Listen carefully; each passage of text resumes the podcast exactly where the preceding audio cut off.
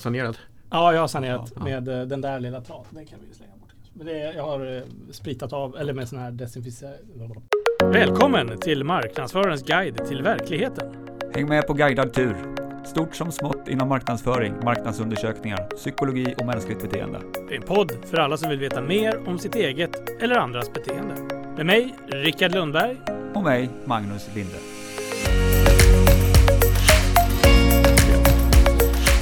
Ja, det var en dag i januari.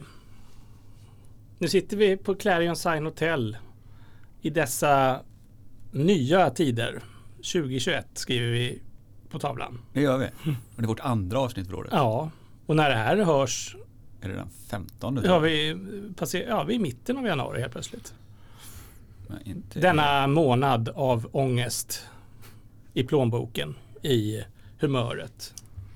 Är det så illa? Det drar i nacken från Nordan. Det var väldigt vad du... Men då kan man krypa in här på det varma och trevliga Clarion Sign Hotel på Norra Bantorget. Jag har precis fyllt år dessutom. Den Och den äran, Ja. nu är det äntligen över. ja. Det jobbiga 50. Nej, det är här meningslöst nu. Det är året efter jag fyllde 50. Ja, det gick ju. ja. Nu tar vi sats mot 60. Är det så man gör?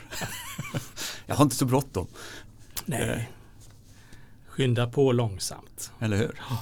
Denna filosofiska stund ska härmed ta slut. Vi har, eh, vi har eh, lyssnat på våra nyårskarameller här och eh, hoppas ni har passat på under julhelgerna och eh, nyårshelgerna att lyssna även på lite poddavsnitt som vi, eh, som vi har spelat in under året med våra mycket Under intressanta. förra året menar du? Ja, under Ja. förra året. Ja. Vi hade ju förra avsnittet så gick vi igenom Ja. dem lite grann så jag gav lite tips på vad man kunde lyssna på. Mm. Så om- man nu vill ta sig tillbaka igen efter man har lyssnat på det här eminenta avsnittet så kan man ju eh, göra det. Då kan man börja med det som var den första januari och sen Ja, kan man leta se. sig tillbaka till de avsnitten som verkar mest spännande. Ja, för där går vi faktiskt igenom en liten exposé. Ja. Ja. Så att det var ju trevligt. Och sen så tror jag faktiskt vi har lagt undan julskivorna också för i år. Eller för den här säsongen. Det tycker jag är en bra idé. Ni fick ju faktiskt en julskiva förra avsnittet trots att det var efter nyår. Då. Sånt kan man inte ha i mitten på januari. Det är ungefär som de som har kvar adventsljusstakarna nu. Det, Ja. det tycker jag är, det är fel. Det är fel ja. Ja. Så gör man inte bara. Nej, så gör man Nej. inte. Framåt, uppåt, framåt. Vi sitter ju här och eh, man skulle kunna tro att vi sitter här själva eftersom att vi har lagt eh, en ganska låg ribba här. Eh, Men eh, vi gör ju inte det. Vi sitter med en mycket intressant gäst. Årets första gäst. Årets första gäst ja. Och eh, vem är det? Det är en Henrik. Utan det va? Utan det ja, precis. Som var en Henrik som vi hade förra året. Ja, vi hade ju Henrik, Henrik Dahlgren här ja, från Ogunsen Executive Search. Men nu har vi någon annan Henrik här. Vem, vem har vi här egentligen? Jo, vi har Henrik Andersson från Bow Retention. Välkommen till oss. Välkommen till Marknadsföringens guide till verkligheten.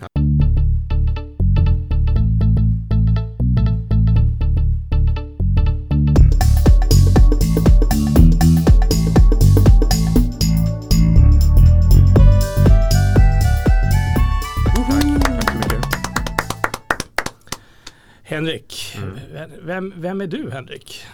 Vem är jag? I vilken bemärkelse? Frågar du? Ja, Du får tolka det precis som du I, vill. din, och i, Börja var du I din vill. roll som knähund? Nej, Ja, nej den nej, du bort. intresserar ju mig med namn och företagsnamn så jag väljer den, Ja, den rollen. Ehm, egenföretagare sedan sju år tillbaka. Ehm, bakgrund inom vad jag föredrar att kalla intäktsprocesser. mm.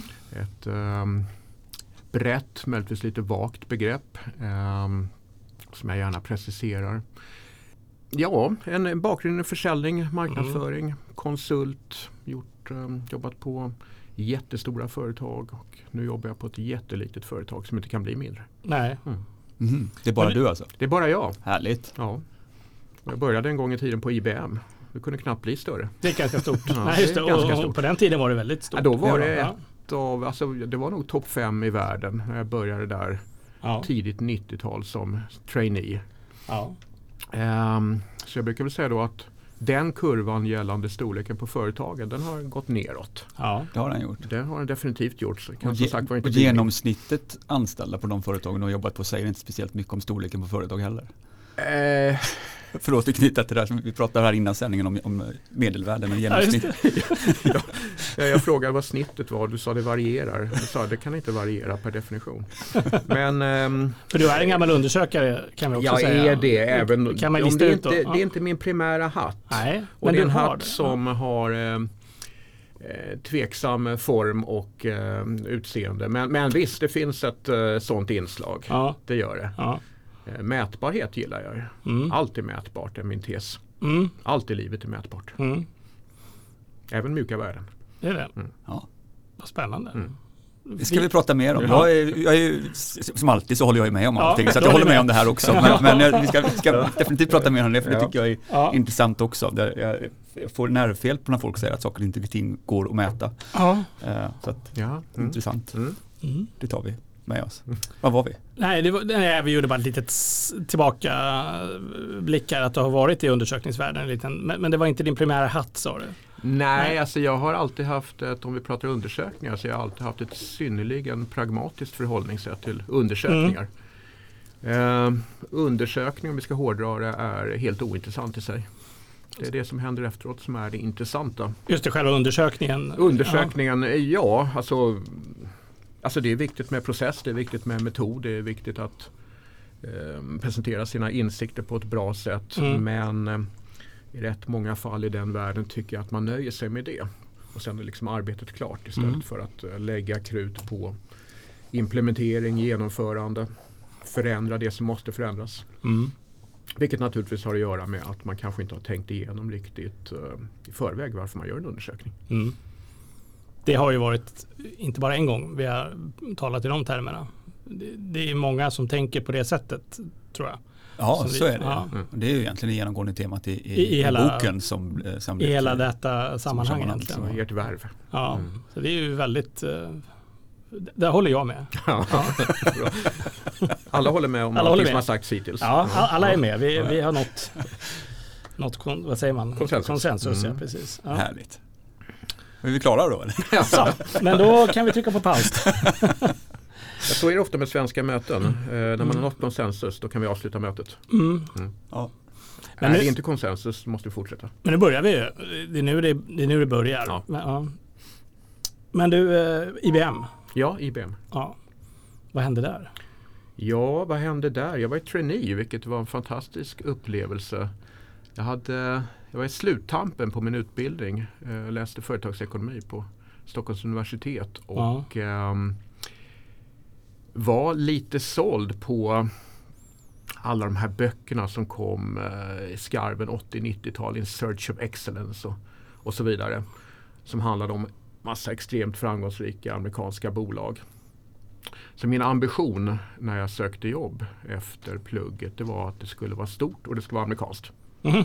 Det var Ja, liksom kriterierna. Då passar ju IBM Ja. verkligen Mm. rätt bra. Bransch var sekundärt. Okej. Vi skulle gärna ha en snygg logga också. eh, vilket eh, IBM hade och har. Fantastisk logga. Ehm, jag vet att jag var på intervju på Texaco, eller Texaco, Mm. som vi också har en, eller hade en väldigt, väldigt snygg logga. Eh, bensin kontra IT och datorer, hårdvara, mjukvara. Det, det var fullkomligt sekundärt men ehm, Coca-Cola kanske? Coca-Cola hade jag kontakt med. Jag hade kontakt med Apple och Procter Gamble och Mm. massa namnkunniga amerikanska bolag. Men IBM smällde högst och vad hände där egentligen? Ja, jag jobbade inom någonting som hette och möjligtvis heter eh, Professional Services som liksom var den delen som IBM sen har utvecklat, tjänstedelen. IBM är ju inte ett hårdvaru. Nej, man sålde ju av det där för länge Ja, man har kränkt av allting som hade med konsumentvarumärken att göra har man kränkt av. Mm. Datorerna heter Lenovo, skrivare heter något annat. Ja. Eh, man sålde mainframes, stordatorer, Mm. stora schabrak som stod i källaren någonstans. Eh, och det där var den vevan. Eller anledningen till att jag ville in på IBM det var att IBM var skolexemplet på allting som är bra. Försäljning, marknadsföring, personalpolitik, strategiarbete och så vidare. Mm. Lustigt nog kom jag in i en period där strategin knakade lite grann. Man kunde inte förlita sig på stordatorer som kostade fruktansvärt mycket och som såldes ett antal stycken per land och per år utan man transformerade sig till ett tjänstebolag. Vilket jag tyckte var intressant. Mm. Sen var det fruktansvärt stort. Eh, jag var en liten komponent i det där. Allting var bokstavligt talat moduluppbyggt. Vilket var ett roligt fenomen. Jag gillar ju struktur, ordning och reda och det var det verkligen på IBM. Mm. Jag som trainee hade en halv modul att sitta i. Min chef hade en och en halv modul. Hennes chef som för övrigt var IBMs första kvinnliga direktör tror jag hade två och en halv modul. Mhm. Luncherna var också moduluppbyggda. Um, varmrätt, dryck var en modul. Vill man ha bröd och eh, sallad till så var det ytterligare en halv modul och så vidare. Jaha. Så allting var synnerligen genomtänkt. Ehm, jag var en liten komponent i ett stort maskineri och ehm, insåg väl så småningom att det där är för stort för mig. Ja, och sen då? Ehm, nej, men från världens största företag till eh, ett betydligt mindre företag. Ehm, eller tänker du direkt efteråt eller tänker du? Ja, ta det, de portioner du känner. portion? Ja. Mm. Nej, men därefter så var det en, eh, jag ska inte säga att det var en stridström, men det var några, nu pratar vi alltså mm, 90-tal. Ehm, Den nya ekonomin. Ja, så småningom Mm. blev ekonomin ny. Mm. Men först var jag på ett mindre konsultföretag som eh, egentligen ursprungligen kanske var ett undersökningsföretag men som hade en spännande utveckling när jag var där eh, och blev ett, blev ett konsultföretag med betoning på användbarheten i våra findings och eh, att vi blev konsulter snarare än någon Mm. slags eh, män och kvinnor i vita rockar. För det hade vi inte riktigt kompetens till om man ska vara ärlig. Men det var Opticom det. Ja, det var det. Det var det, Och Där någonstans vi träffades första gången tror jag. det, var kan det det nog. Jag Ja. vill minnas att vi träffade, jag, jag minns exakt när vi träffades första gången. Gör inte du det? Inför Depeche Mode Glo- Global Oh ja, 93. Just det, just det. Mm, Ja, mm. ja. Men, men, men eh, tillbaka till eh, Opticom ja. Ja. och vita rockar. Hur eh, hur länge var du där? Jag var där rätt många år på 90-talet. Eh, Vi snackar väl kanske 7-8 år. Ja, det var så pass Mm. ändå. Ja. Och sen var det som du säger den nya ekonomin som var het där. Mm. Mm. ja, där ser man. Och Mm. Valtech var du på? Det var jag, eh, vad pratar vi? Vi pratar tre år kanske, någonting sånt. Tre fylliga år får man säga. Då. Ja, då hände det mycket. Det gick upp och det gick ner. Och då kände jag att det var bättre att förekomma än att förekommas. Så du hoppade? Jag hoppade, jag hade ett eh, erbjudande som jag hade fått sedan tidigare som jag plockade upp tråden kring igen. Där blev ett kort, en kort gästspel. Kort gästspel. Men sen? Sen ja, sen blev det eget. Ja. I, eh, dock inte hundraprocentigt eget men vi drog igång ett bolag som heter Element. Så att vi var tre stycken ägare där och så gjorde vi eh, jag minns att vi hade en tanke från början att nu ska vi göra allting rätt. Vilken fin ingång. Ja. Eh, men det var ju fördelen för då var vi i 30-årsåldern och eh, man ansåg sig senior som man gör då. Det är bra. Men ehm, tillbaka till det. Nej men det var ambitionen att göra allt rätt från början vilket Ja. var en bra ambition men naturligtvis lyckas man inte alltid med det. Men det byggde väldigt mycket på vad vi hade observerat på tidigare arbetsplatser. ja. Vad fungerar bra, vad fungerar mindre bra. Och eh, jag tittar tillbaka på den tiden så någonstans skulle jag kunna beskriva den perioden som tio år av synnerligen metodiskt och intensivt prospekterande. Mm. För, för egen, alltså Ja, kund, kundprospekterade Ja, för ja. egen, räkning. Absolut, absolut. För visst var det en del av affärsstrategin att hjälpa folk med prospektering också? Absolut. Vi hjälpte våra kunder med intäktsprocesser och tydliggöra deras erbjudande. Inte minst, vi hade väldigt många amerikanska, återigen kopplingen till amerikanska mjukvaruföretag. Vi hade många sådana bolag, namnkunniga som, som kunder, så hjälpte vi dem att bli tydliga i sitt erbjudande, målgruppsanpassa till en svensk eller nordisk kontext. Bygga en value proposition som det så fint heter som funkar på våra breddgrader. Bygga upp referenscase och så vidare.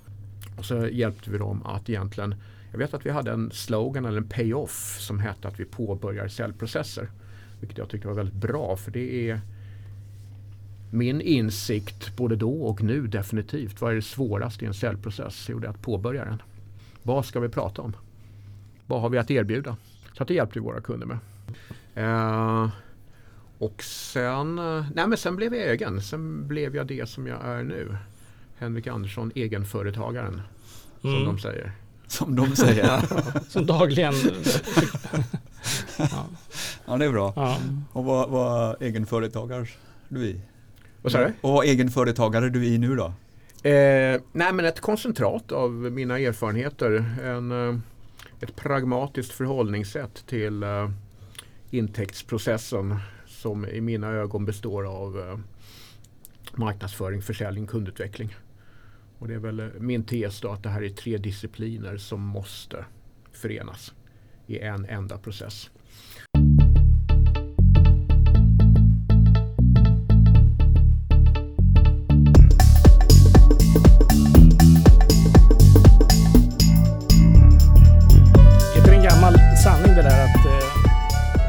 Det är så att man belönas ju alltid eh, Mm. högst med nyförsäljning. Ja. Nyförsäljning är, bra. Mm. Uh, merförsäljning är någonting som alla ser för självklart. Men det är ju Exakt. om något ännu svårare kanske än, eh, Det är ännu svårare. än, än en nyförsäljning.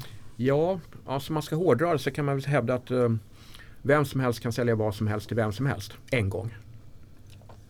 Jo, allting går att sälja med mördande reklam. Ja, och mördande reklam inom business to business är ju då att översälja. Mm. Lova guld och gröna skogar.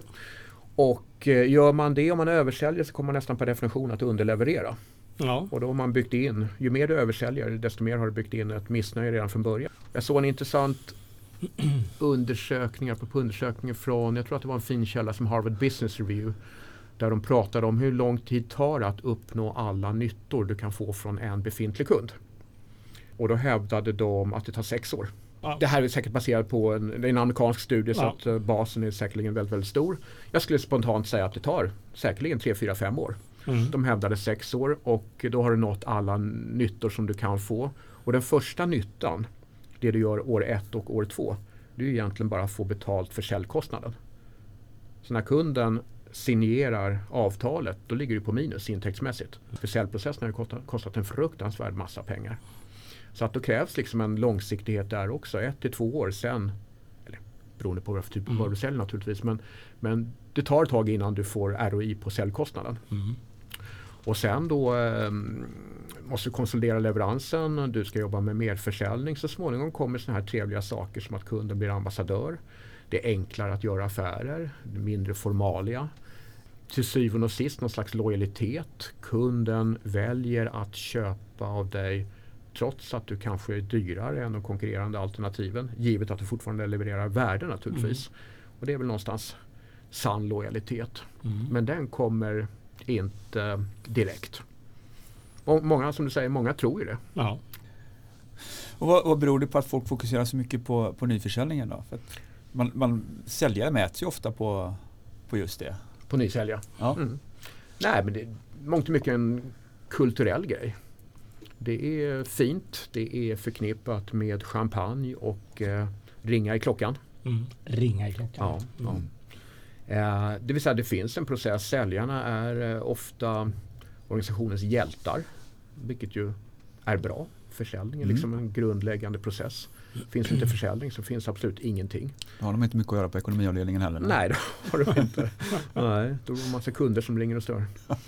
Ehm, nej, det är en kulturell aspekt i det där och det anses väl inte vara lika stor utmaning att få kunderna att fortsätta köpa.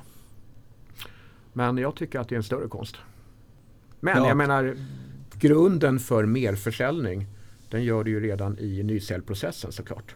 Bearbeta rätt bolag Mm. med rätt budskap. Mm. Ja. Um, en slags realistisk ådra i försäljningen.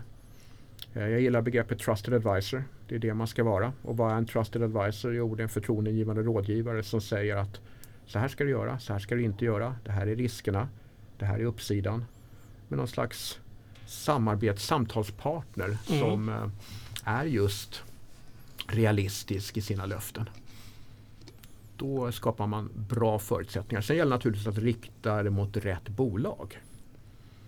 Gula sidor-försäljningen, eh, den liknelsen är det många som inte förstår längre som inte har en relation till gula sidorna längre.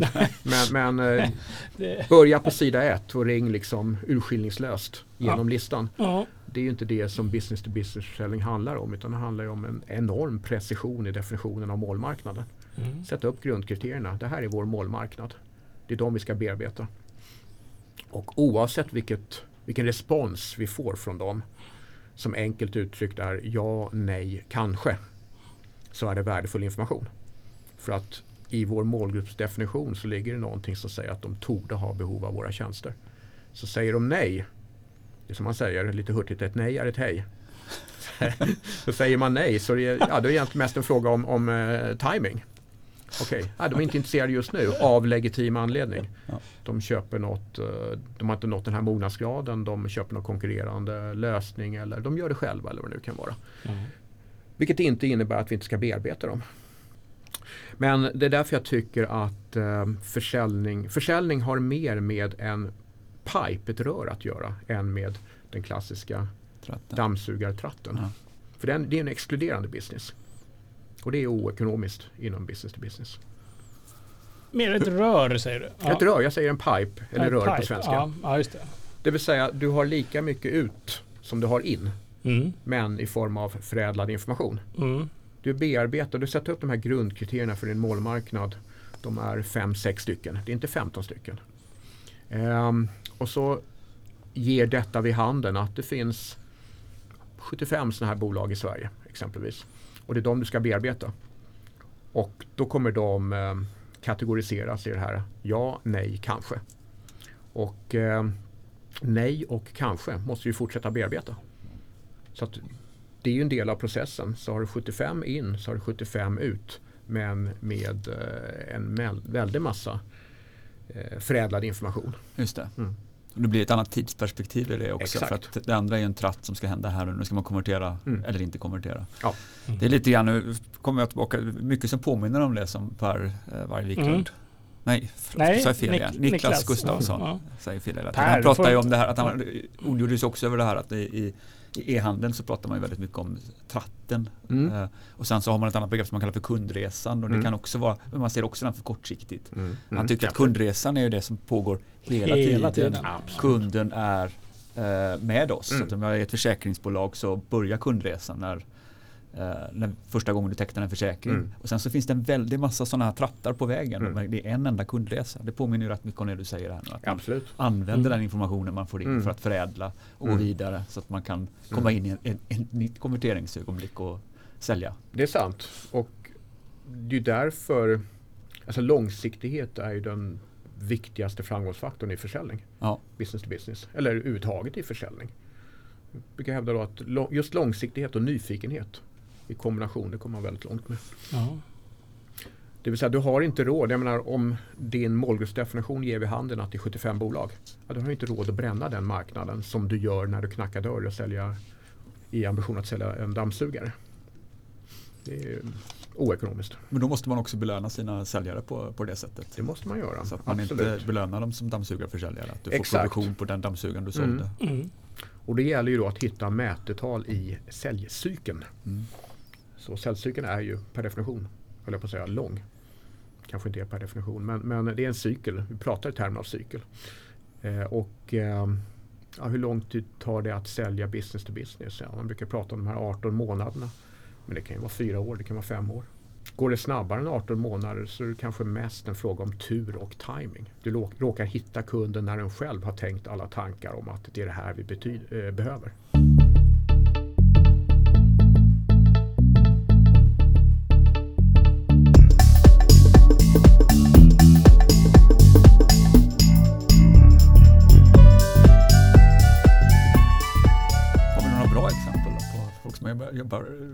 Bra med den här typen, ja, konsekvent och som också jobbar bra med en, en symbios mellan marknad och försäljning och ser på, på äh, säljcyklerna mer långsiktigt. Och...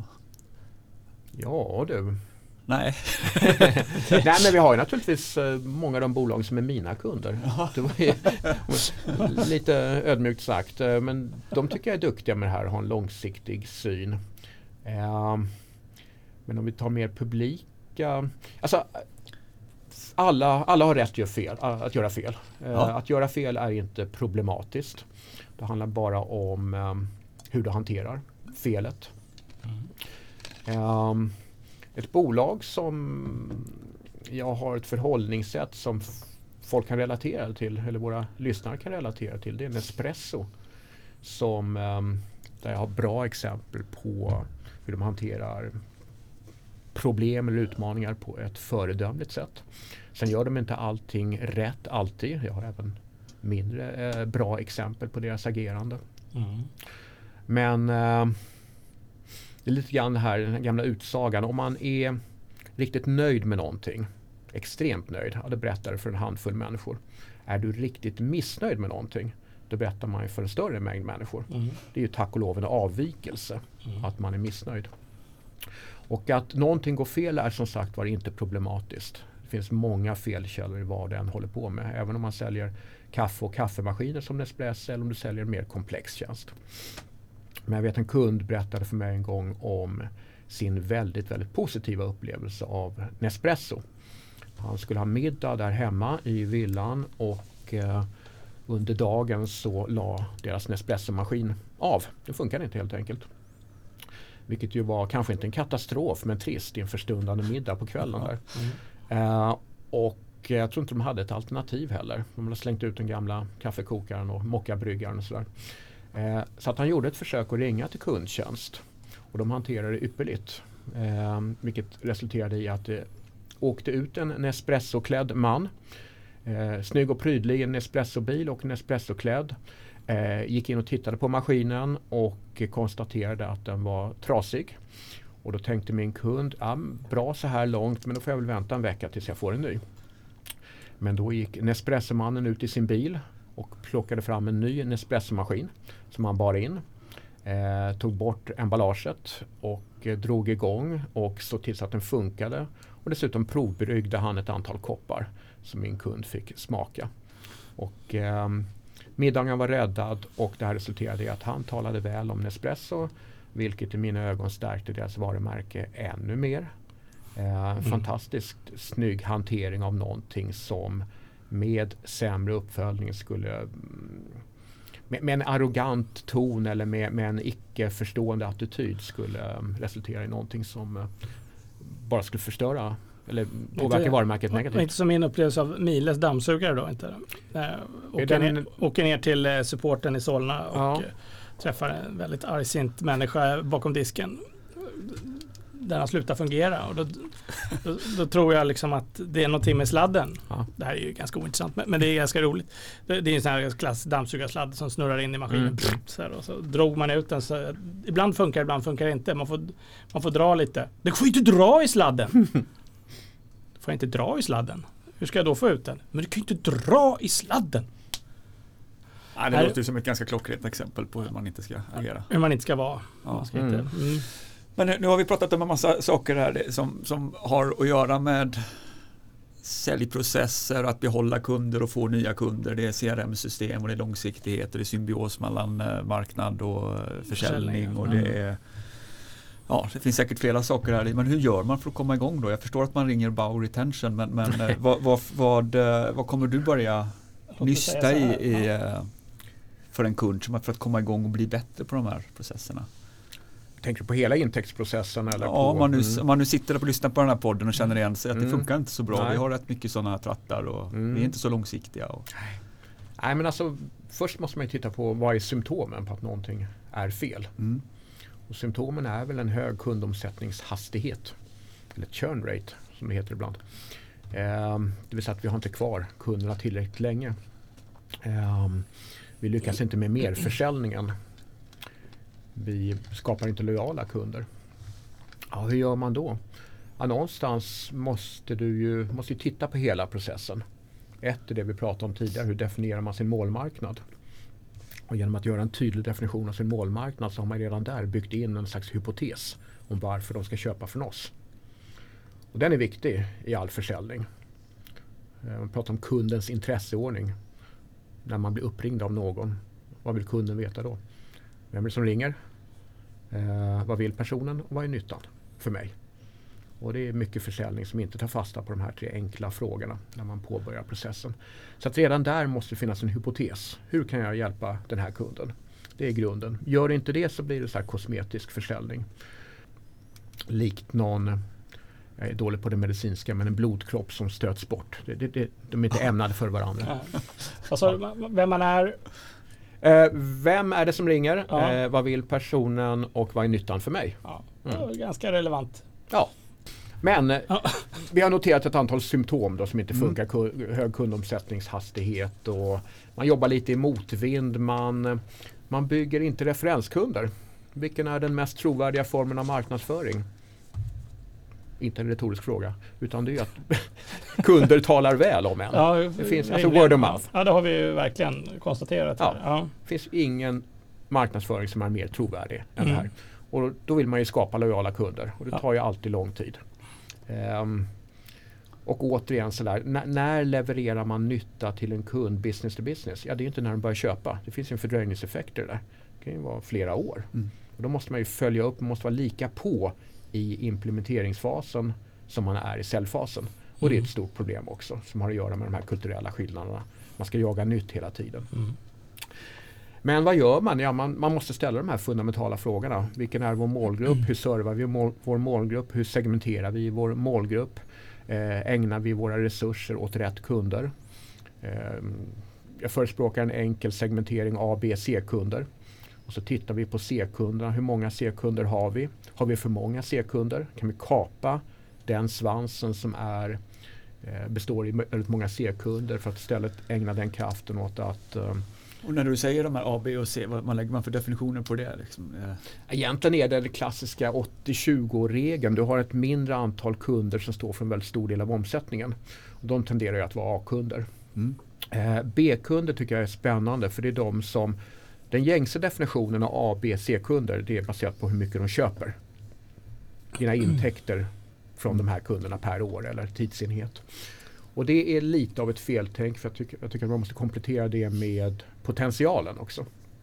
Inte bara de facto vad de köper från utan vad de skulle kunna köpa från. Mm. Annars blir det en självuppfyllande profetia. En C-kund eller en B-kund köper under de här beloppsgränserna. Då ska vi fortsätta att behandla dem som en B eller C-kund.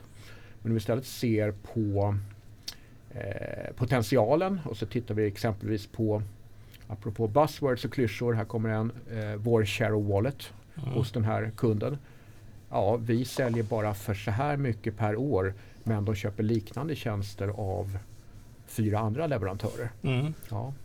Om vi istället tittar på den potentialen som det innebär så måste vi göra någonting för att realisera den potentialen. Och då måste vi behandla den som en potentiell A-kund eller en B plus-kund eller vad det nu kan vara. Och, och, och motsatsen gäller ju också då, att vi skulle kunna ha en som har hög omsättning på men som har, vi har en låg share of wallet på. Det kan du förvisso ha, jag menar, men då återstår ju, då har du ju fortfarande potentialen. Ja, Hög omsättning. Eller, eller, eller en risk i det också då. ja, en risk naturligtvis. Ja. Absolut. Att, men om man inte skulle ha med potentialen menar jag, mm. så skulle man betrakta den kunden som väldigt som en A-kund per definition ja. en annan som, som man har en högre potential på som ja. en C-kund. Det vill säga om din share of wallet är liten mm. så är det ju per definition utbytbar. Ja. Så det är en chimär. En A-kund som är en chimär.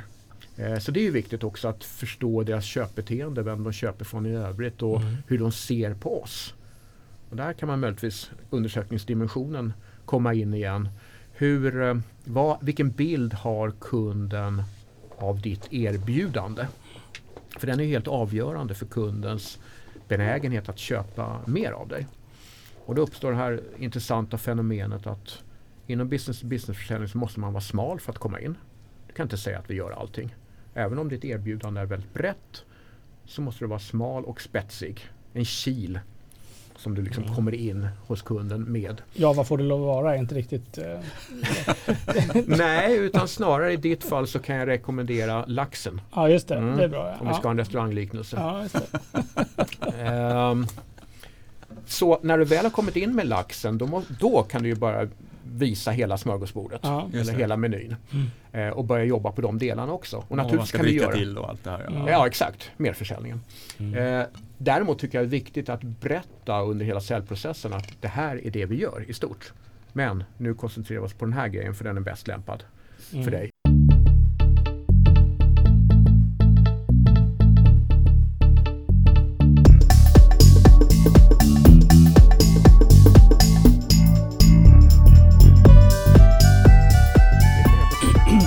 prata om eh, framgångsfaktorer. De det, nio Ja, de nio ja. Mm. ja. Ska vi ta det också lite? Ja, jag brukar ju rent allmänt förespråka enkla modeller. Ja.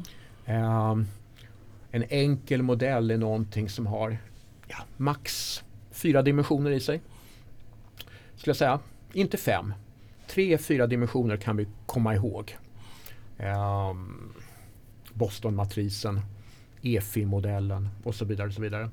Uh, I mina egna framgångsfaktorer. Som, Bostonmatrisen, ja. stjärnor, kossor. Ja, exakt. Det var länge sedan. Ja, det var länge sedan. Ja, ja, ja. Men uh, apropå nio modellen, framgångsfaktorer, den är ju då uppenbarligen har ju fler än fyra dimensioner. Så jag, jag, kommer ju inte ihåg den i skallen. Nej. Uh, men jag använder den, inte minst när jag tittar på en organisation där man ser vissa symptom. Eh, och symptomen kan vara allvarliga. Vi, ehm, vi lider av projektfällan, vilket många branscher gör. Mm. Man eh, säljer mycket, alla involveras i eh, försäljningen under en viss period. Sen dras alla jobba, in jobba, i produktionen. Jobba, ja. Exakt. Och så är pipen fullkomligt tom. Mm. Så paradoxen uppstår att vi har jättemycket att göra men helt plötsligt så är vi extremt illa ute. Och eh, det handlar ju om att sälj måste vara en pågående process. Det är som liksom en gaslåga på en spis. Den ska alltid vara på. Den behöver inte vara på sexan. Den ska vara på ettan eller tvåan. Man får inte stänga av den. För då händer någonting med en viss fördröjning som är förutsägbart. Vattnet blir kallt. Vattnet blir kallt eller vi har inga intäkter. Mm. Um, så att jag jobbar med som ett stöd för um, analysen så har jag mm. mina nio, nio punkter. Mm. Och de handlar om många grejer vi har tagit upp i det här samtalet. Ja, misstänker det. Ja. ja, det handlar naturligtvis om stödsystem, CRM, mm. eh, vilket inte är det viktigaste. Men en av de viktigaste komponenterna som jag ägnar rätt mycket tid åt det är eh, attityden till försäljning. Och jag jobbar med rätt många ingenjörstunga företag där det finns väldigt duktiga människor, väldigt duktiga konsulter men som inte tycker om försäljning. De ryggar tillbaka när de hör begreppet de förknippar försäljning med eh, fulsälj. Ja. Eh, vilket jag eh, har förståelse för och respekt för. Försäljning har i gemene mans, mans ögon ett ganska dåligt eh, rykte. Det är motsatsen till det vi har pratat om. Det är kräng, det är pushigt, det är kortsiktigt, det är lura kunden, springa vidare. Mm. Så att en diskussion om just attityden till försäljning är så väldigt, väldigt viktig och väldigt fundamental i, den här, mm. i det här arbetet. Synen på säljare har ju med det att göra också. Att Högsta det grad. finns en väldigt typisk säljare. Liksom. Det gör det. Ja. Och den, den bilden kanske inte alltid är positiv.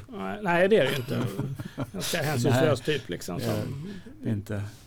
Jo, men jag brukar tänka ibland liksom att om jag har en dålig dag eh, eller blir lite så uppgiven att 99% av all försäljning som görs i världen kännetecknas av det här kortsiktiga och mm. pushet och kränget och lura kunden och inte ta ansvar för det man eh, för de löftena som man ger i syfte att vinna någonting. Å andra sidan så innebär ju det att det är ju så otroligt enkelt att särskilja sig. Mm. Om du är lite mer långsiktig. Ja. Om du eh, betonar även det som händer efter att kontraktet har signats då skapar det förutsättningar för någonting som är raka motsatsen till fulsälj. Ja. Men återigen, det, jag tror att kulturen, vi har vi har sett för många bilden, vi har sett för många amerikanska filmer som handlar om försäljning där det är för mycket high five och kräng och lura och pushas.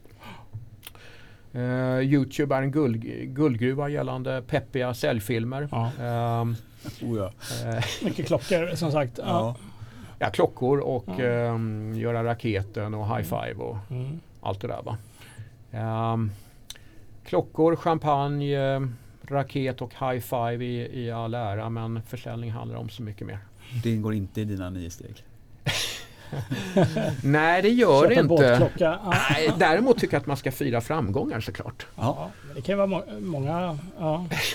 Ja, man kan sitta och läsa en bok och kontemplera över en whisky. Mm. Det är raka motsatsen till ja. champagnen. Oh, ja, rätt bra. Oh. Ja. Ju rökigare desto bättre tycker jag. ja, exakt. Men det är en viktig aspekt i alla fall, med att fira framgångar. Absolut, det är viktigt. Men jag menar försäljning, hur firar man framgångar i försäljningen? Det är ju inte bara det steget när Nej, det var min nästa fråga. Ja. Vad, vad, är en framgång då? Ja, exakt, mm. exakt. För vi, vi började med det, vi lovade att vi skulle återkomma till det här. Allting går att mäta. Ja. Ja, hur mäter man framgång då? Mm. Som... Um, hur I försäljning då, lite mer specifikt. Ja. Mm. Så du märker är Magnus väldigt bra på att hålla tråden. Ja, det är bra och det behöver vi. Jag gör allt jag kan mm. för att Klippa av den. Ja.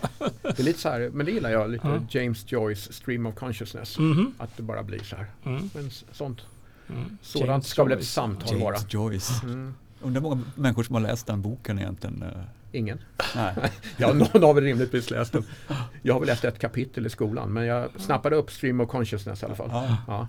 Ja. Um, Fina framgångar var det. Hur mäter man? Jo, hur gör man? Nej men eh, exakt. Hur och då är vi lite tillbaka till det här med systemet. Hur illustrerar du någon slags framfart och framgång i en säljprocess och en säljcykel som sträcker sig över kanske flera år? Ja, du måste ju mäta relevanta saker. Um, och det är bara fantasin som sätter gränserna för vad du mäter egentligen. Men likt den här pipen, röret som vi pratade om. Varje insikt du får om kunden är ju värdefull. Och i ett traditionellt CRM-system så brukar det här kännetecknas av att vi, ja, vi använder massa fina begrepp. Vi kanske, innan vi har pratat med kunden överhuvudtaget kanske vi kallar kunden för en suspect. Mm. De borde vara intresserade. Eh, vi pratar med dem, vi, de kanske blir en prospect för att de har bekräftat någon slags relevans mm. utifrån det vi, vi säljer till dem. Eh, men det kan ju också vara alltså, det här är typiska begrepp som man använder för att illustrera en pipe som det så fint heter. Och det kan mm. heta möte bokat, eh, behov bekräftat, eh, uppföljningsmöte bokat, eh, koncept skickat, offert skickad, muntlig accept på offert och så vidare. Och så, mm. vidare. så kommer vi närmare och närmare ett avslut när kunden börjar köpa. Mm. och sen måste vi naturligtvis mäta på samma sätt därefter de här KPI eller nyckelbegreppen eller milstolparna i säljresan. Så det är ett sätt att mäta det här. Mm. Men just KPI, det, det, kan jag tänka mig att du hjälper till att tillhandahålla och identifiera och, och, och sen göra mätbara. Mm. Ja. Absolut, mäta rätt saker mm. under mäta rätt saker i en process som ter sig svårmätt. Ja, och det, det, är ju superviktigt. Mm. Eh, vi har ju pratat om det tidigare också. Där, yes. Att det är lätt att hitta ett mättal och så fokuserar man bara på mm. det. Mm. Det kan ju kannibalisera på någonting annat då. Alltså att man, man bara, om man bara mäter på, på mm. omsättning till exempel så är det mm. lätt att börja jobba med för en säljare börja jobba med rabatterbjudanden ja. vilket påverkar lönsamheten negativt. Uh, så att det här att ha både övergripande och projektmål och alltså bryta ner och att någon har koll på helheten också måste ju vara viktigt i den här processen. Mm. Det är väldigt, väldigt spännande område, så här, målteori och hur man jobbar med mål och fokus och sådana saker. Um, jag hörde någon berätta på ett möte jag var på här under året eller förra året. Uh, så sa personen, i år fokuserar vi på de här nio områdena. Mm. Bra fokus. Det var en eh, motsägelse. ja. ja, det är det. Men det hör man ofta tyvärr. Och eh, då kanske vi har lärt oss att man kan fokusera på tre områden. Mm. Men redan ja. det är för mycket. Ja, jag kan bara jonglera med max två bollar. Ja, en eller tre, två. Tre går inte. Mm. Men med min motorik så går två. Ja. Och det är också så här liksom begrepp och en lättast. Äh, talesätt och man slänger ut sig saker. Det låter fint. Fokus är ett fint ord. Ja. Det är väldigt fint. Använder man det så, så får man, eh, möts man av nick, eh, glada blickar och eh, folk sitter och nickar. Du ska fokusera. Ja, fokus är bra. Reflektera. Reflektera också. Ja,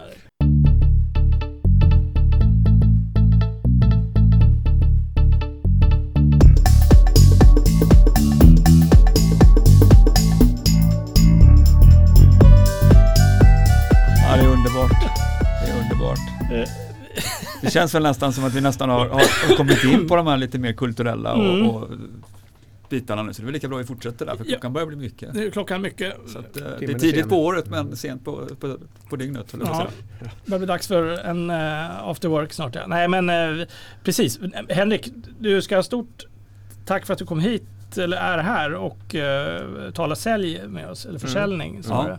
Och som vanligt så känns det som att jag har skrapat på ytan och ja, varit eh, att... ganska mycket all over the place. Så ja. det finns säkert anledning att återkomma någon gång och se om vi kan rätta ut några av de frågetecken ja. som vi rör eventuellt ära. skapade mer än vi... Mm. Ja, det känns som att vi, du, du, du brinner för rör. Och, hellre rör än tratt. Ja, hellre mm. rör än tratt. Det känns som vi har vispats runt i, i den här tratten lite och vi behöver raka ja. rör. Ja, precis. Så att vi kan väl förhoppningsvis se det här igen med någon form av, när vi har landat det här, våra intryck och kanske har några eh, frågor, så här gör man eller någonting, så mm. kanske vi kan ha ett samtal om det lite mer ordnade. Lite mer stringent. Ja, lite stringent, där har vi ett sånt ja, ord också. Precis. Ja. Det, Men för det, den som ja. är intresserad där ute och tycker att det här är någonting jag behöver hjälp med, då, var, hur kontaktar man dig då? Ja, hur kontaktar man mig? Ehm, man kan gå in på min hemsida som heter eh, bauretention.se. Bau Retention. Och det är inte Bau alltså, utan Bau. B-A-U, ja. Tysk. Annars kommer man till... inte Bau. Benny Anderssons orkester. Det är ja, inte, men han jobbar inte med retention. Ja. Eller jo, det gör han. Han är lojala fans. Ja, ja, definitivt. Ja, verkligen. Ja, alltså. det får man säga. Jag tar tillbaka det. Det var en liten grupp som hette, popgrupp som hette ABBA där. Ja, de, de, de minns jag. Det är många som minns dem faktiskt. Ja, de producerade lite grejer på 70-80-talet. Mm. Ja, lite halvstora där. Ja. Ja. Nej, men man går in på bowretention.se och där finns mina kontaktuppgifter. Eh, den är synnerligen minimalistiskt eh, utformad, den sajten. Mm. Men, Men man kommer i kontakt med dig där? Man kommer i kontakt mm. med mig eh, via kontaktuppgifter på den sajten. Toppen. Eller hör av er till oss så ska vi förmedla kontakten. Det gör vi gladeligen. Mm. Vi har ju våra kanaler också. Vi, Precis, vi, Magnus och Rickard at gmail.com ja. är bra. Och Rickard som det stavas i almanackan. R-I-K-A-R-D. Ja. ja. Utan C och H. Eh, vi har ju naturligtvis som traditionen bjuder, trots att traditionerna har vi lagt bakom oss nu här i form av tomtar och skägg så har vi våra eh, mer kulturella traditioner och vi ska ju rekommendera oss lite att läsa och något att lyssna på. Ja. Uh, och, och, jag har noterat att våran gäst faktiskt har med sig en, Våran gäst är ju en som råkar veta att han både är en, ett popsnöre och en, eh, en bok, han läser mycket. Så han är... Det sistnämnda vet jag mm, inte. Ja. ja, jag, läs, jag kan läsa. Du kan läsa, ja. ja. Längre så vill jag inte sträcka mig. Men som ni hörde, om det är fortfarande med i avsnittet också efter redigering så, så var vi och såg ett, ett brittiskt popband eh, tillsammans för länge, länge sedan. Ja, flera. Ja, precis. Så att eh, vi eh, ser fram emot att höra något musiktips från dig. Ja, ska vi mm. börja med det? Ja, vi tar mm. de lätta grejerna först. Så de lätta grejerna. ja, nej men det är spännande och det är alltid en... Eh, är man ja, popsnöre, jag vet Nej, inte. Konnässör. Konnässör är det bättre tror jag. brukar vi ju kalla mm. oss. Rickard valde två ord för att beskriva det. Det, var lite vem något. Taskig kundkännedom. Bokmal och popsnöre. Nej, ja, bokmal. Nej. Det tror jag inte. Nej. Nej. Vi nämnde ju James Joyce här. Jag tänkte man kunde ändå ha Ja, nej, men jag, det, det, viss, har väl varit ja. en viss framgångsfaktor för mig själv att jag, jag kan slänga mig med rätt begrepp. Mm. Och nu kommer jag förvisso, min, min mor är och var eh, bibliotekarie. Ja. Eh, och där finns det en viss liknelse med Asterix. Han ramlar ju i grytan. grytan ja. ja. Och jag fick för mycket böcker när jag var mm. liten. Ja. Så att, eh, jag har ett nyktert förhållningssätt till litteratur. Eh, men om vi börjar med musiken, popsnöre. Ja, eh, popsnöre i all ära, popkonnässör.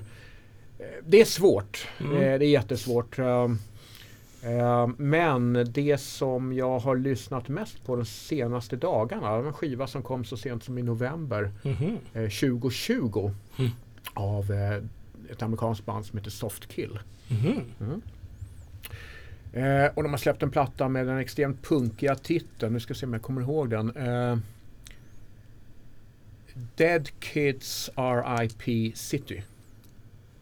Låter väldigt punkigt. Ja. Um, Dead Kids Are IP City. Ja, Rest in Peace. Mm. Ah. Ja. Uh, och det är inte särskilt punkigt. Uh, däremot är det ett, det här är ett band från Oregon, Portland, Oregon, amerikanska västkusten. Ja, fint. Blitz and Trapper därifrån. Ja, mm. ja um, och det är ytterligare ett exempel på min tes då att um, jag, menar, jag är anglofil när det gäller musik, mångt och mycket. Germanofil ibland. Men, men ähm, engelsk popindustri, tyvärr kan vi konstatera, hade sin storhetstid mellan 65 och 95. Ja. Sen har det blivit trist. Och då är min tes att USA är det nya England. Om man vill lyssna på sån musik som jag gillar då dras man ofta till amerikanska band. Mm. Om man inte lyssnar på de, amerikanska, eller på de gamla engelska mm. favoriterna. Mm. Coolt. Mm. Soft kill. Helt mm. ny. Och vad läste du? Ja, jag läser och bläddrar i en bok som är väldigt bläddringsvänlig. Faktiskt en bok, jag brukar föredra e-böcker för de har man alltid med sig. Men den här, jag slog eh, Förenade Nytta med Nöje gjorde ett köp på Amazon. Svenska Amazon för att testa gränssnittet. Mm. Det så omtalade gränssnittet. Och det resulterade bland annat i den här boken. En bok som heter Goodbye Things. Ah. Mm. On Minimalist Living av Fumio Sasaki. Spännande och det är ett väldigt eh, minimalistiskt omslag här. Man ser en, eh, ett princip tomt rum med en laptop på golvet. Mm. Glasögon Det är lite som jag minns lägenheten på Rörstrandsgatan. Det är en, eh, en uppmaning till att man ska göra sig av med saker? Eller? Ja, ja, men för mig är minimalism en framgångsfaktor. Det, jag applicerar det här både på livet och på inte minst min business. Det som jag pratat om under hela det här samtalet, försäljning, intäktsprocesser det gynnas av att vi eh, renodlar och skalar bort massa saker. Mm. Snarare än att lägga till massa saker. Fokusera på basprocesserna, se till så att vi gör dem väldigt bra. Så det är definitivt ett minimalistiskt budskap och en framgångsfaktor i, i eh, försäljning och i företagande rent allmänt. Det här är minimalism i lite mer mm, traditionell bemärkelse. Göra det av med prylar där hemma. Mm. Och den Japan, japanerna är ju minimalister i själ och hjärta. Får man ju säga. Ja. Titta på en, en japansk trädgård och så vidare. Eh, men det här är skrivet av, det här är, då, det här är inte skönlitteratur utan det är egentligen facklitteratur. Fackbok. Ja, ja och han beskriver hans, Den här kom väl 2016, 2017. Så det är ganska modern. Ja. Ganska modern. Handlar om hans egen eh, minimalistiska resa från att ha mått dåligt, ha för mycket prylar där hemma druckit för mycket, för mycket alkohol, inte vårdat sina relationer. Eh, så eh, insåg han, eller så kom han i kontakt med de minimalistiska lärorna. Så det där, jag har inte läst klart den, men den är så här bläddringsvänlig, korta kapitel som man kan läsa lite då och då och begrunda lite grann. Mm. Så den är inspirerande. Den får mig att uh, försöka leta efter ett nytt område där hemma som jag kan rensa. Och det är en utmaning kan jag säga. Mm. Du får gärna komma hem till mig och titta i min källare så kan vi se om vi kan komma överens. Det här är inte så minimalistiskt. Den är, den är precis eh, motsatsen. Det är antitesen till minimalism. Ja. Ja. Spännande. Jag lyssnar på pop och jag tänkte göra en kupp. Jag kuppar in årets första platta här. Nu eh, Rickard klä av sig. Ja. Jaha. Eh, det är kläder under. Ja. Det är en t-shirt vi visar. Avantgardet Smile and Wave har vi här. Ja. En ny LP som är helt... Du, du, Tänk på vidvinkeln nu bara. Så att, ja. Ska vi ta en bild här som vi lägger upp på, på Facebook sen också. Kuppar vi in den på något ja. sätt där för Photoshop. Alltså. Mycket bra LP av den outtröttlige Rasmus på Avantgardet. Det går inte att bli, inte bli berörd av den LPn. Mm -hmm. Spring och köp också. Tycker jag. Det, det, är inte bara för att han är en charmig typ utan att det gör gott. Smile and Wave, Avantgardet. Och när ni ändå håller på, köp de andra fyra plattorna också. Vad läser vi till det? Ja, vad läser vi till det? Jag kan inte, det är ingen mening att jag köper plattor förstår du. Jag har ingenting att spela det på. Mm. Det, det är ren... Eh, det, det, är fantastiskt. Det ja. bara, du kommer älska det. Ja. I min, min, min, min minimalistiska eh, handling var ju att ge bort mina skivor till dig. Så att, ja. När jag rensade förrådet. Det var väldigt skönt. Därav ditt fulla garage. Ja, inte bara det. ja, precis. Man vet att man, jag har grejer i garaget. Vill du ha dem Rickard? Ja, tack. Tackar. Tackar. Jo, eh, jag satt och kontemplerade lite grann över mm. vad jag skulle eh, ta för boktips. Jag hittade en, en, bok som har eh, tio år på nacken ungefär. Uh, men det var lite grann för att jag visste att temat skulle handla om uh, att ta hand om kunder, uh, att hitta symbios mellan olika funktioner och sådana här saker. Så då kom jag att tänka på en bok jag fick av eh, tidigare chef när jag jobbade på en startup. Han, tyckte, han gav den till hela företaget för han tyckte den var så bra. Den mm. heter Delivering Happiness, A Path to Profits, Passion and Purpose. Mm. Någon som har läst den? tror jag har sett den, jag har inte läst den. Skriven av en kille som heter eh, Tony Shea, tror jag det uttalas. Det är ett asiatiskt namn, det stavas H-S-I-E-H. Så det är ganska knepigt. Ja. Uh, han startade ett bolag som heter Zappos. Nu såg jag faktiskt tyvärr när jag googlade på den här boken här precis innan detta såg att han uh, dog här den 27 november i år. Hoppsan. Ja, eller 2020. Ja, 2020. Ja. Ja. Det var någon brand i samband med Thanksgiving och sen så dog ja. han ett par veckor senare mm. på skadorna. Ja.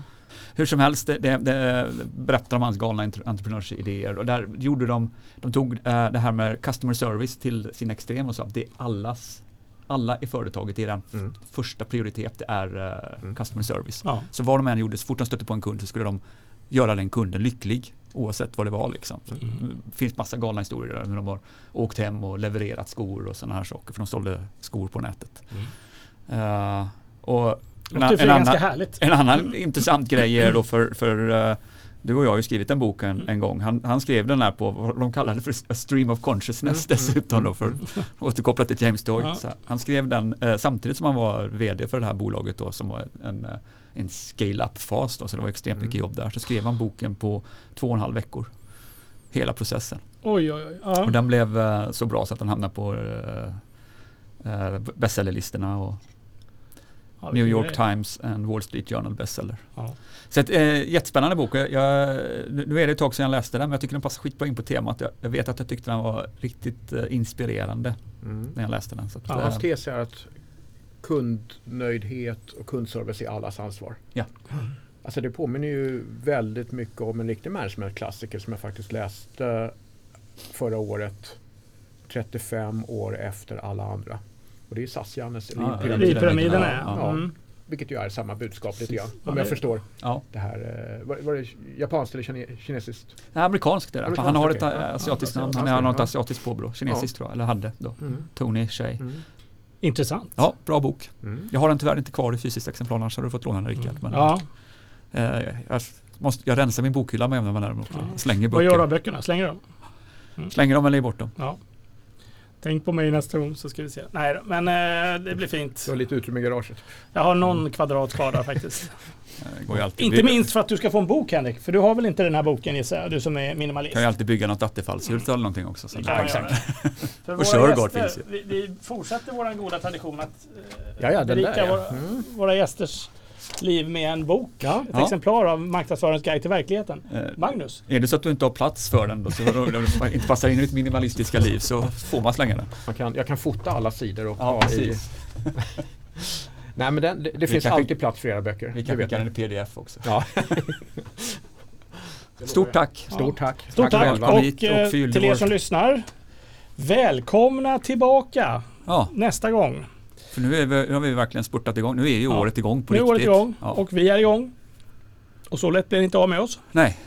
Uh, och som sagt var, har ni tips och idéer på intressanta gäster, om ni själva har en gäster, bra his historia så hör av er. Mm. LinkedIn eller Magnus och Rickard at gmail.com. Jajamän. På snart återhörande om ett par veckor.